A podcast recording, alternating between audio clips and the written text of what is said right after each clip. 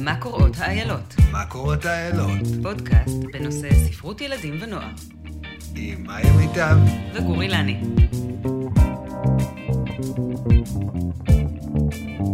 אתם מאזינים לפודקאסט מה קורות האיילות. שלום גורי לני. שלום מאיה מיטב. תודה שאתם כאן איתנו. תישארו, יהיה מעניין. היום נדבר על picture books, ספרים מאוירים לילדים. אין להם הגדרה מדויקת בעברית, לכן נשתמש במינוח picture books, תרגום מאנגלית, ונדבר על שני ספרים חדשים שיצאו אה, ספרי מקור בארץ, ארמון בחול של הסופרת והמאיירת עינת צרפתי, ובום מלך של אורה איתן, שני ספרים מצוינים. מאיה, את האלקטורית שלנו, את מביאה לנו את הספרים הכי חמים בגזרה. משתדלת. ובאמת אה, בחרנו ספרים נהדרים.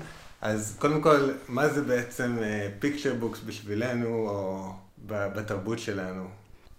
picture book הוא בעצם ספר שלא עובד בלי האיורים, זאת אומרת שהטקסט והאיורים שווה ערך, אף אחד מהם לא יעמוד בפני עצמו. אם קוראים את הסיפור לבד, חסרים חלקים בעלילה, אשר האיורים משלימים אותם.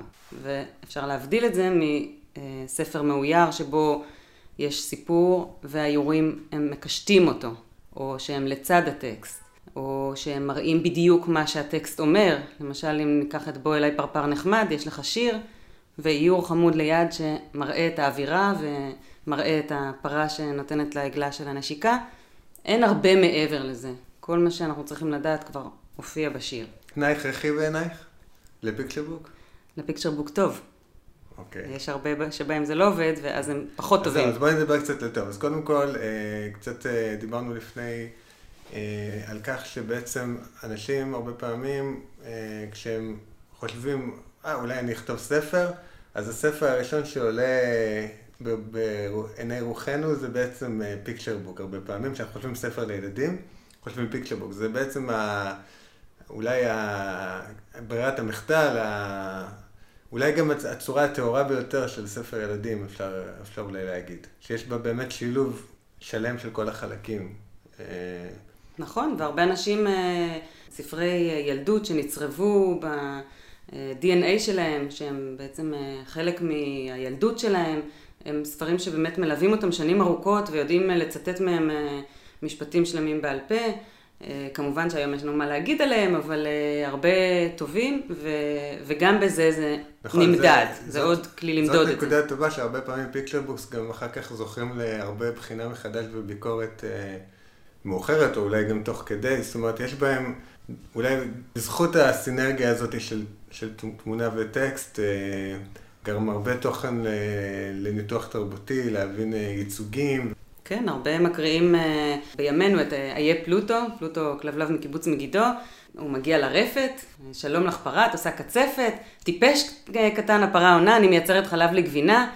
אני לא רוצה להתחיל לפתוח את זה לדיון בעיניים ביקורתיות של היום, שהיא אומרת טיפש קטן, יש הורים שמצנזרים את זה, טבעונים שמצנזרים את אני מייצרת חלב לגבינה, כי היא מייצרת חלב לעגלים שלה, אבל אנחנו יכולים לראות את זה ולהגיד, אוקיי, אז אנחנו בוחרים אם להקריא את זה כמו שזה, או לצנזר. אנחנו יכולים לחנך לקריאה ביקורתית, יש פה המון דברים לעשות עם זה, אבל הספר הזה הוא עדיין פיקצ'ר בוק אהוב על רוב ילדי ישראל, והוא עדיין עובד. נכון, אני חושב שגם כסופר, אם אני כותב לדוגמה ספר ראשית קריאה, יותר קל לי לשלוט על הטקסט והסאבטקסט, מאשר אה, אם אני בעצם יוצר פיקצ'ר בוק. כי באמת השילוב הזה של טקסט ותמונה, הוא מוציא לפעמים דברים אולי שלא חשבתי עליהם עד הסוף, או שלא התכוונתי עליהם עד הסוף, ובקריאה ביקורתית אפשר לראות אותם. גם זה מקבל פרשנות נוספת על ידי המאייר. שתי הדוגמאות שהבאנו היום, גם בומלך וגם ארמון בחול, היצירה היא יצירה שלמה של כותבת ומאיירת. הרבה picture books, הטקסט נכתב לבד, ואז מאייר מאייר אותם, והוא בעצם מביא לזה פרשנות משלו, והמון המון תוספות משלו, שלא בטוח שאני חשבתי עליהם כשכתבתי.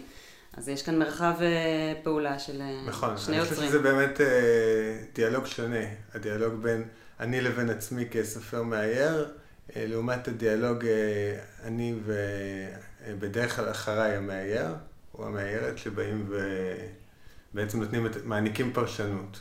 נכון, פה יש גם הרבה מקום לעניין, זאת אומרת, זה יוצר גם עוד עין שמסתכלת כמובן, על זה. כמובן.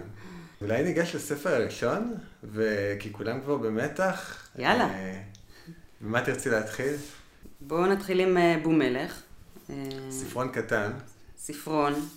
במסורת הספרונים הקטנים והחמודים, אה, זה מזכיר את אה, אהרון והעיפרון הסגול, ממש במידות שלו, ואפילו טיפה ברקע הלבן שמלווה את הספר ואת האיורים.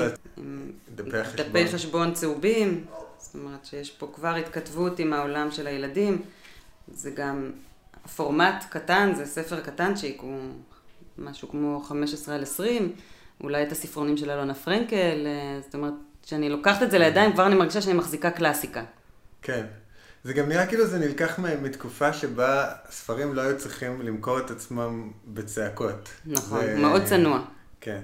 צנוע וגם לא, מצד שני, לא אה, זועק בוטיק. הוא אומר פשוט, אני ספר אה, קנוני, בוא נגיד. אה, נכון, או- זה ממש ספר כן, שנולד אה, כן. נולד קלאסיקה. כן. גם היוצרת היא יוצרת ותיקה, מוערכת, אהובה, זוכת אה, פרסים, כמובן, אה, אורה איתן. יש לה אה. הרבה הרבה ניסיון, וזה ניכר פה בכל פריים, ההתייחסות שלה. אז בואי נדבר קצת על התוכן. בעצם הסיפור הוא אה, על אה, ילד בשם בומלך. בואו נקריא את אה, הפתיחה. בומלך קם בבוקר, חבש את הכתר שלו, כתר עשוי נייר משובץ, לא כתר אמיתי, זה ברור גם לילדים שמסתכלים באיורים. זאת עוד נקודה מעניינת, אה, אגב, ל picture books, שחוויית הקריאה היא משותפת להורה ולילד, כי פענוח התמונות הוא מקביל לפענוח הטקסט, והרבה פעמים הילדים מבינים ומזהים דברים אפילו לפני ההורה. כן. וזה היופי, שמסתכלים על זה ממש ביחד. כן, השיחה היא תוך כדי, זה בעצם מה שניתן גם לגבי אה, קריאה לעומת אה, נניח צפייה משותפת בתוכניות בטלוויזיה או וידאו, שהשיחה היא בעצם תוך כדי, אה, לא רק בסוף. נכון, נכון, הכל מתרחש ביחד. מגלים את העלילה ואת הסיפור, הוא נחשף ביחד להורה ולילד, וזאת חוויה מיוחדת. כי אם אני מקריאה ספר יותר ארוך, אני מספרת לילד, ופה אנחנו קוראים ביחד. בומלך קם בבוקר, חבש את הכתר שלו, הרכיב את המשקפיים שלו, והלך לחדר האמבטיה. הוא פתח את הברז והביט במראה. כתם גדול ושחור הסתיר את פניו. בומלך כעס, קרא לחדרנית וצעק, את רשלנית, את עצלנית, לכי מהר לנקות את המראה. ופנה למטבח לאכול ארוחת בוקר. מכאן העלילה ממשיכה, הוא אוכל ארוחת בוקר, הוא יוצא, הוא הולך לשחק, הוא קורא סיפור, וכל הזמן הכתם הזה מלווה אותו. אנחנו המבוגרים כבר מההתחלה מבינים שיש לו כתם על המשקפיים, לילד אולי לוקח עוד רגע להבין את זה, אבל אה, יש פה מטאפורה מאוד ברורה, שיש לו כתם שמחתים לו והורס לו את היום, ובעצם בסוף הספר המטפלת או החדרנית, אה, דמות האם הסמכותית אה, מנקה לו את המשקפיים והכתם הזה נעלם. הוא כמובן מאשים את כל העולם חוץ מאת עצמו, בלי לדבר על פוליטיקה, ובעצם אה, כמו הרבה ילדים אחרים קם אה, על רגל שמאל, וכאן הכתם הוא מוחשי. אז מה קורה לו עם זה? ואיך הוא אה, עובר את היום הזה? ובעצם, אה, אם אני אעשה איזשהו ספוילר לסיום, אז אה, כמו שאת אמרת, העניינים אה, בעצם מתוקנים על ידי האם המכילה, או... פותר את הבעיות. כן, פותרת הבעיות, שהיא היא בעצם מכילה גם את הבעיות, זה לא רק שהיא פותרת אותן. ופה זה, זה איזושהי בחירה מעניינת, אני חושב, בהקשר תרבותי שבו אנחנו נמצאים. זאת אומרת, מצד אחד הספר, הוא נקרא כספר דידקטי מהרבה בחינות, ספר שבעצם מנסה להעביר איזשהו מסר, ומצד שני, המסר בסוף הוא לא, הוא לא המסר, אני חושב, הכי צפוי שהיה אפשר להעביר. כן, יש את כל העניין של אה, הילד במרכז, והצוות אה, אה, שקיים או שלא קיים, מקרקר סביבו, והוא כועס על כולם, והוא בוכה בקול רם, והוא מאשים. אני כועס על החדרנית, אני כועס על הטבחית, אני כועס על הגננים, אני כועס על כולם מפני שלא ניקו את העולם. נכון, אבל בשלב הזה אני הייתי מצפה כקורא, זאת אומרת, ציפיתי אה, שבעצם הפתרון יהיה זה שבומלך יגלה שהוא טעה. ובעצם בומלך מעולם לא מגלה שהוא טועה. אה, בומלך נשאר עם, ה... עם ההבנות שלו לגבי העולם. אני חושב שיש בזה משהו, יש פה אמירה מעניינת. אמירה שאומרת בעצם... הוא נתן נשיקה למטפלת שהיא סידרה לו את העולם נתן בחזרה. נשיקה למטפלת, כן. הוא נתן נשיקה למטפלת, אבל הוא לא, הוא לא הפסיק להאשים את העולם. זאת אומרת, מבחינתו, עדיין הבעיה הייתה, הייתה בחוץ. היא לא הייתה בעיה ש... אה, אה, היא לא הייתה. פנימית, כן. כן, היא לא הייתה פנימית. זאת אומרת, ו- ו- ויש אנשים שיסדרו לו אותה, אה, או יש, יש מישהו, העולם מסביב, הוא מספיק בטוח עדיין בשבילו כדי שהוא יסדר אותה. כן, הוא ילד. קטן. כן. הוא עדיין אמור לסמוך על העולם ש... שיעזור לו להסתדר, ו... ויש לו על מי לסמוך. אני חושב שהאמירה החכמה פה, מבחינתי, היא שפחות חשוב להוכיח לילד את הטעות שלו. זאת נכון. אומרת, זה, זה כתובנה אה, חינוכית, או... אה, זה, זה פחות חשוב, זאת אומרת, אולי באמת ילד קטן לא צריך, אה, או אולי כולנו, אולי גם ילדים גדולים כמונו, לא צריכים שיעמתו אותנו עם הטעויות שלנו ויגידו לנו, "הנה, אתה רואה, טעית, אני צדקתי, ככה צריך לעשות את זה, זאת אה, האחריות היא שלך או שלך. קחו אחריות, תודיעו עכשיו שלקחתם אחריות וזאת הייתה הטעות שלכם. כל הדברים האלה הם מין איזשהו טקס השפלה כביכול שאנחנו אה, שמחפשים אשמים, כן, מחפשים אשמים, מי- והאדם- מי עשה את זה? הבן אדם חייב להיענש בעצם על ה... האדם חייב להיענש על, ה... על הטעות שהוא עשה. ובעצם בומלך לא נענש. אה, על, על, הוא לא חוטף על את המוסר השכל. על האיגנורנס שלו, הוא לא חוטף אותו. אולי בעתיד הוא יחטוף אותו, ואולי גם, אולי זה, או, זה עוד איזושהי תובנה שהוא לא צריך גם לחטוף אותו בעתיד. אולי הוא לא צריך. הוא יגדל ויתפתח, ו... כן, אני מוצאת את עצמי לא פעם אה, אומרת לילדים, אה, אחד משלושת ילדיי, שזה לא משנה מי האשם, משנה התוצאה כרגע, בואו נתמודד איתה. דיפולט של ילדים, במיוחד אלה שמסתובבים כתר נייר על הראש, הוא להאשים אחרים, במקום להסתכל פנימה. אז אולי דווקא בגלל שאין פה האשמה, או שיקוף המציאות האמיתית, שהיה כתם, אלא בעצם התהליך קורה מעצמו, הוא יכול להבין בלי שבעצם אה, אומרים לו, זה בגלל הסיבה ותוצאה, אלא הוא מבין מעצמו שיש דברים שקורים והם יכולים לעבור, או אפשר לסמוך גם על העולם, או שהיה לך יום רע ועכשיו הוא השתפר. כאילו יש פה המון תובנות כן. שהוא יכול להבין לבד גם בלי שכאילו שמים לו פטיש על הראש. שבאמת הת- תובנה שהיא, אני אשם, אני לא, אני לא יודע באמת כמה היא חשובה לילד בכלל, או כמה ילד בכלל יכול, אה, ילד אה, קטן נגיד, בגיל אה, טרום בית ספר, יכול בכלל אפילו לחוש תחושה כזאת. זאת אומרת, הוא יכול להבין, עשיתי משהו רע. תחושת אשמה היא מאוד קשה. כועסים עליי, אבל להבין, אני אשם באיזשהו דבר, אני, אני טעיתי, זה איזושהי הבנה שלא בטוח שהיא משהו שמצופה מילד, אה, או שבכלל עוזר לילד בגיל הזה. זאת אומרת, אנחנו, אנחנו הרבה פעמים רוצים שילדים אה, בעצם יכירו באחריות שלהם, אבל מצד אחריות. שני אנחנו גם אומרים, למה ילדים לא פשוט משחקים, לא פשוט, למה שילדים לא, לא לתת להם פשוט לעשות, אה, להיות יותר ניסויים, אקספרימנטליים, וזה באמת מה שזה לוקח אותנו בעצם לספר הבא, שאנחנו רוצים להתייחס אליו, מעבר יפה, גור. חלק, כן. ארמון בחול, של עינת צרפתי, ספר יפהפה קודם כל, פשוט מרהיב. מרהיב. מהרגע הראשון שלוקחים אותו ליד, פשוט מרגיש מאוד מאוד מבטיח, כבר, כבר מבחוץ. באמת מה שמאוד הרשים אותי פה זה הפלטות של הצבעים. היום בעידן האינטרנט מאוד קל אה, להסתכל על איורים ועבודות אה, מחו"ל ולראות אה, את הטרנדים ולראות מה, מה קורה בעולם, ובאמת בתחום הזה של הפלטות הצבעים, או בעצם ארגז ה... אה, הכלים. הכלים הצבעוני שבו משתמש המאייר, אה, אני חושב הוא הוא התפתח בשנים האחרונות, אם, אם ממש לדבר על זה בקצרה, איך ש... באופן שבו אני מבין את זה, אז אה, בעבר היותר אה, רחוק, לדוגמה שנות ה-60-70, היו מגבלות טכניות אה, רציניות שיצרו בעצם אה, איזשהו לוק, איזשהו מראה שהספרים היו נראים בהתאם לאותו, אה, לאותה מגבלה טכנית. אה, כמו פועדו, הפרדת צבעים, הפרדת צבעים, כמו צבע כן, אחד, צבע אה, אחד, שהיה יותר. זול להדפיס. אה, הצורה שבה, כן, אפילו הצורה שבה הצבעים היו נראים על הנייר, עם האופי הזה של הנייר, כמו שאנחנו מכירים את אותו דבר מסרטים, מפילם, והיום, אז, אז בעצם, היום הכל פתוח, כן, זהו, עכשיו השלב הבא, נקרא לו נגיד שנות ה-80 והלאה, אז בעצם הדברים אה, הגיעו לאיזשהו מצב של התחלה של אה, שבירת המגבלות האלה, ובעצם ראינו ספרים מאוד מאוד צבעוניים, יכולנו לראות את זה בעצם בכל תחום, החל מעטיפות של אה, תקליטים, או... אה, פוסטרים. המון צבע, צבעוניות מאוד, אה, נגיד נקרא לה מפוזרת, ובעצם מה שקרה, אחרי שבעצם נג, נגמלנו מהשימוש ביותר מדי צבעים, אה, זאת אומרת, מה שהבנו שם, אני חושב, כ, כתרבות, זה שאי אפשר להשתמש בכל הצבעים בפלטה, אי אפשר להשתמש בכל האפקטים בפוטושופ, זה, זה יוצר אה, איזשהו מצב של חוסר בלגן. זהות, בלגן חוסר זהות, זאת אומרת, אחד הדברים הוא שבעצם אה, אנחנו צריכים איזשהו לוק, איזשהו מראה שלנו,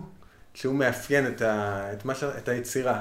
אז מה שראינו בעצם בשנים האחרונות, זה שמאיירים התחילו אה, ללכת בעצם אחורה, אני חושב הרבה בהשראת תנועת הרטרו, אה, להסתכל בעצם על, אה, על יצירות ישנות, על סגנונות ישנים, ולהבין מתוכם איך השימוש, במג... איך ההתחשבות במגבלות יצרה את היתרון אפילו העיצובי החזותי. וגם גיבוש זהות לאיורים שלהם, לקו העיצובי, להכל ביחד. וזה בעצם מנחה אותי, אני, אני, אני שם על עצמי מגבלות כדי, אה, כמאייר, אה, כדי אה, בעצם ליצור קו שהוא מיוחד יותר, שיש בו אמירה יותר חזקה. ואני חושב שזה הוביל לגל מאוד יפה של יצירות של מאיירים נפלאים, ואני חושב שהספר שלנו היום, ארמון בחול, הוא... האבולוציה הנוספת על, ה, על המגמה הזאת, זאת אומרת, אוקיי, כבר עזבנו את הפילטרים באינסטגרם, את המראה הרטרו, עכשיו אנחנו כבר במראה של היום, אנחנו כבר לא עושים את זה רטרו, אבל כל מה ש... כל העבר כבר נכנס אה, לתוך המראה העכשווי הזה, כולל המודעות לצורך ב... במגבלות, באפיונים היותר מדויקים. כן, ויש באמת לעינת צרפתי שהיא קודם כל מאיירת, יש לציין, אה, נהדרת, שעשתה הרבה שיתופי פעולה עם אה, סופרות וסופרים בארץ, ובעצם הפיקצ'ר בוק הראשון שלה היה שכנים, שזכה להצלחה ותורגם לשפות וקיבל פרסים, וזה הפיקצ'ר בוק השני שלה, ארמון בחול, ובאמת כבר אפשר לראות שיש לה קו יותר אה, ברור, סגנון בוודאי, וחוש הומור מאוד, שבא יפה מאוד לידי ביטוי בטקסט ובאיורים. וכמובן אה, דמיון אה, בלתי מוגבל, זאת אומרת, אה, היא הולכת פה עם איזושהי פנטזיה של ילדה שבונה ארמון בחול, והארמון הזה הוא נראה כמו ארמון עם צריכים ותעלה ובאים אליו בני מלוכה, והילדה בעצם עוברת הרפתקה שלמה על חוף הים, שהכל מתחיל מהארמון הקטן הזה שכולנו עושים עם הילדים שלנו, אבל הארמון הזה הוא יוצא דופן והוא באמת מרהיב. אה, הוא יוצא משליטה באיזשהו מקום. בסופו אומרת, של דבר, לוקחים, כן. הוא, הוא נהיה ארמון כל כך קיצוני במראה החזותי שלו ובגודל שלו ובאפשרויות שהוא פותח לסיפור. הקשר באמת בין שני הספרים, שיש פה שניהם בעצם אה, מלכים, נגיד נקרא לזה. ו... עיסוק במשפחת אה, המלוכה. רק שההבדלים הם גם מצד שני מאוד גדולים. פה יש, אה, בבו מלך יש לנו מלך בעצם בודד. אה, מלך ש... שהכתיר את עצמו גם. שהכתיר את עצמו, כן. ובהמון בחול בעצם, ה... אני חושב שיש פה איזשהו אירוע שמשתתפים בו המון בני ובנות מלוכה, ובעצם יש פה את הביחד של המלוכה, את ה... מה קורה שאנחנו שמים אנשי שררה בתוך... חדר אחד. מי שפתחה וסגרה את כל האירוע הזה הייתה ילדה אחת קטנה, והדמיון המפותח שלה. צריך לזכור נכון, שזה... נכון, היא בעצם מארחת אותם, אבל באיזשהו מקום היא גם, זה כמו מישהו שעושה מסיבה, והמסיבה באיזשהו שלב... יוצאת משליטה. את הופכת לסטטיסטית במסיבה של עצמך, זאת אומרת, את רק המארחת, אבל אנשים... אנשים אחרים אה, נהנים הרבה יותר, אז אה, באיזשהו מקום, כן, זה, לגמרי. זה, המצ... זה המצב. ובסוף אה, יש טוויסט יפה בעלילה, ששוב ספוילר, סליחה, ילדה מכינה קובבות, ומתחיל קרב אדירים בתוך הארמון, והוא גם זה שבעצם הורס את הארמון, שזה מחזיר אותנו גם למציאות, כי הילדה בעצם פתחה פה באיזושהי פנטזיה וסיפור דמיוני לחלוטין, שברור גם לקוראים מההתחלה. אבל הפנטזיה נשברת, היא נשברת בעקבות החול בעצם, החול מתחיל להציק. זאת כן. אומרת, יש איזשהו שלב שבו באמת... אה, אנחנו מרגישים שהטוב הזה לא יכול אה, כבר... לא יימשך לנצח. לא יימשך לנצח, מתחיל, החול, והחול מתחיל להציג, ואין כמו החול של חוף הים הישראלי כדי לגרום לך להצטער שבכלל הגעת לחוף הים. כן. זאת אומרת, יש פה בחירה מעניינת ומאוד אה, מדויקת אה, מי הרשע של הסיפור הזה. החול, החול. הרשע וגם, אבל הטוב, הוא בעצם הבסיס ליצירה. מעל הכל גם מרחפת אה, איזושהי תמה שאני בניתי ולכן גם אני אפרק. וכשהים שוטף בסוף את כל השאריות של הארמון, היא מתחילה מחדש. שכמו בכל ספר ילדים טוב, כמובן כן. שב picture book צריך לתת לנו אה, תקווה בסוף ו happy כן. end. וגם להגיע ללילה. זאת אומרת, והשמש שוקעת, יש את כן, התהליך של ה... אנחנו הגענו לסוף היום, פתאום אה, זה ארמון חדש, אבל הוא כבר נעשה בסביבה, אגב, צבעונית, סביבה אחרת קצת, יותר אה, של אחר הצהריים, של ערב, ואנחנו כבר מוכנים... אה, הארמון הזה אולי יהיה יותר קטן, ואולי אחריו נלך לישון. כן, תמיד כדאי לרמוז בסוף שהלילה מגיע, ילדים, לכו לישון, ותחלמו חלומות נעימים. על ארמונות ונסיכים ומלכים. ובאמת אה, תמיד חשוב שיהיה סוף טוב ומלא תקווה בכל ספר ילדים. זה, אני חושבת, חשוב לציין את זה, שלהבדיל ספרי ילדים מספרים לנוער ובטח של מבוגרים, אנחנו תמיד צריכים פתח לתקווה, וזאת כמובן מסקנה שכל יוצר צריך להתחיל ממנה. כן, את חושבת שזה עקרוני? כן. ליצירה לילדים? כן. בוודאי של הפעוטות. יש לנו נושא, נראה לי, לפרק הבא. ובפרק הבא נדבר על למה צריך happy end ביצירות ילדים. תודה שהאזנתם. למי שרוצה לרוץ אה, לחנות או לספרייה ולמצוא, בומלח של אורי איתן בהוצאת עם עובד, וארמון בחול של עינת צרפתי בהוצאת כתר, שניהם יצאו השנה ב-2019 ומאוד מומלצים. באמת תודה שהאזנתם. תודה גור. תודה מאיה.